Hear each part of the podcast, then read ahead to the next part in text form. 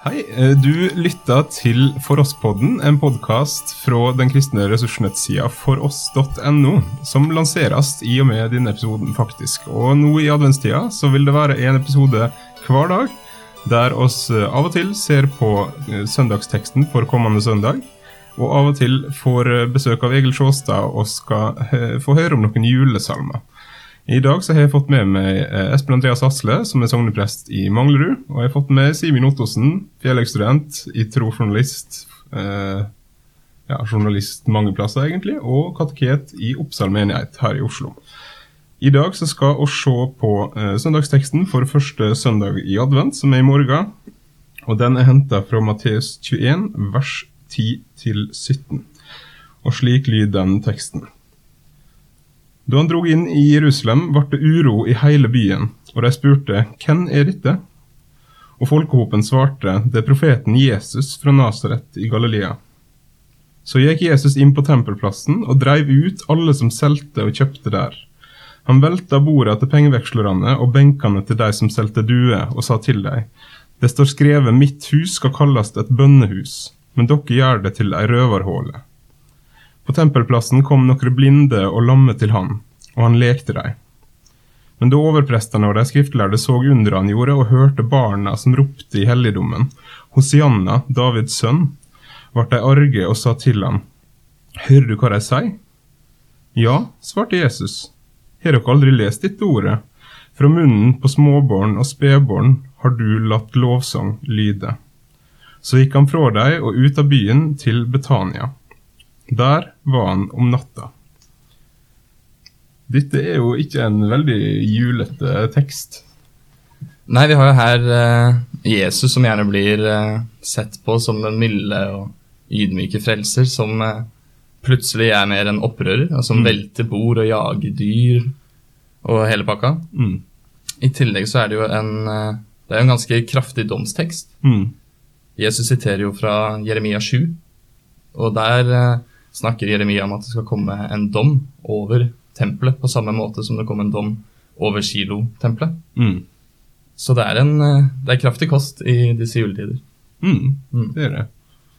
Og eh, denne, denne dommen eh, Han velter pengevekslerne sitt bord, og han ben, velter benkene til de som selger duer. og det er liksom, Han går eh, virkelig til verket her.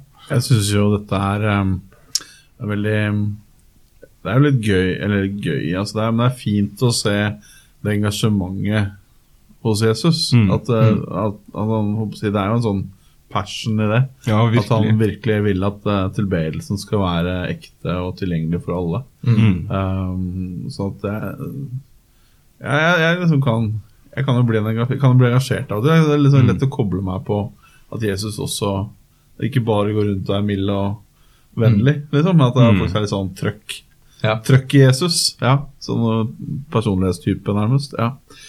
Så eh, det syns jeg er spennende. Ja. Mm.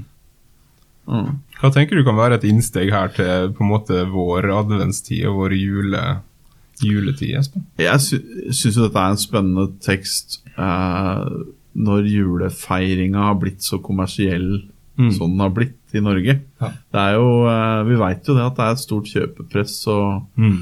Det er, det er, en hyggelig ting at mennesker vil gi hverandre gaver, men uh, når vi ser på omsetningstallene for handelsstanden, så mm. er det jo grunn til å spørre om vi har gjort julefeiringa til en røverhule. Mm. Uh, ikke noe galt i å kjøpe og selge varer, men uh, det kan bli for mye fokus på det. Mm. og vi veit at mange unger gruer seg til jul fordi familien ikke har råd til gaver, og det blir mye spørsmål om hva, hva fikk du til jul. og mm. og, ja, så da jeg tenker det å som kirke, da, å, våge å være litt eh, kritiske også til mm. eh, den kommersialiseringa eh, av jula. Um, så I Manglerud så gjør vi det motsatt. da Istedenfor å ta handelen inn i kirkerommet, så tar vi kirkerommet inn i handelen. Så vi skal, uh, vi skal ha gudstjeneste på uh, Manglerud senter uh, tredje søndag advent. Um, så kan man jo lure på hva det uh, sier om Eller hva denne teksten sier til å gjøre det. Men uh, ja. Jeg tror det er, det er, en fin mulighet til å komme ut blant folk. Og det mm. tror jeg vi også Jesus gjorde. At han mm. ikke bare trodde at evangeliet eller Guds rike skulle beskyttes, men at det skulle være ute i verden og, Mm. og spre seg og prege omgivelsene. Ja. Eh, og jeg, jeg syns det er fint å se på en måte fra engasjementet og liksom opprørskheten i vers 12 og 13. da. Eh, så møter Jesus mennesket i vers 14, eh, antageligvis da, eller en kan i hvert fall tenke seg at det er de samme mennesker som eh, på en måte blir ekskludert ifra tempeltilbedelsen pga.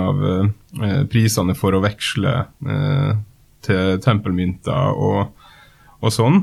Fattige og trengende, sjuke, som Jesus møter og helbreder i vers 14. da. Så det er på en måte en sånn kon grell kontrast egentlig da mellom eh, de to versene som kommer før, og så inn i det, eh, inn i det verset. Så er det jo interessant å se den kontrasten. Altså, hva er det han setter opp mot det med en røverhule? Jo, det er jo at det er et bønnens hus. Eh, og da er jo advent kanskje blitt en mer sånn juletid, Mm. del én. Men det har jo lilla farge i kirkeåret og har jo en, egentlig en litt sånn kontemplativ forberedelsesfase. En, en idé om det.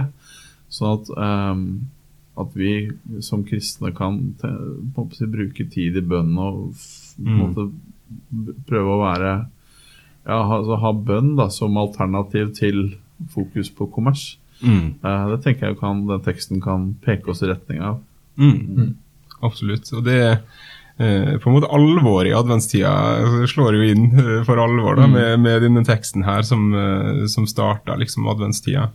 Eh, oss venter, oss venter ikke bare på det vesle barn i krybba lagt på strå, som vi synger eh, på Sunnmøre, eh, men oss venter også på at Jesus skal komme igjen for å dømme levende og døde.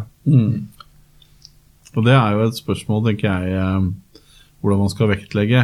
Men at, at Jesus er eh, verdens frelser, Mm. eh, det er jo noe av selve juledagens preg. Og da tenker jeg det er viktig at vi som kirke gir eh, eh, gir, gir frelsesbegrepet et fullt innhold. Da. Mm. Ja, at det ikke bare handler om én ting, men at det er en, en stor bredde i hva det er å være en frelser for hele verden. Mm.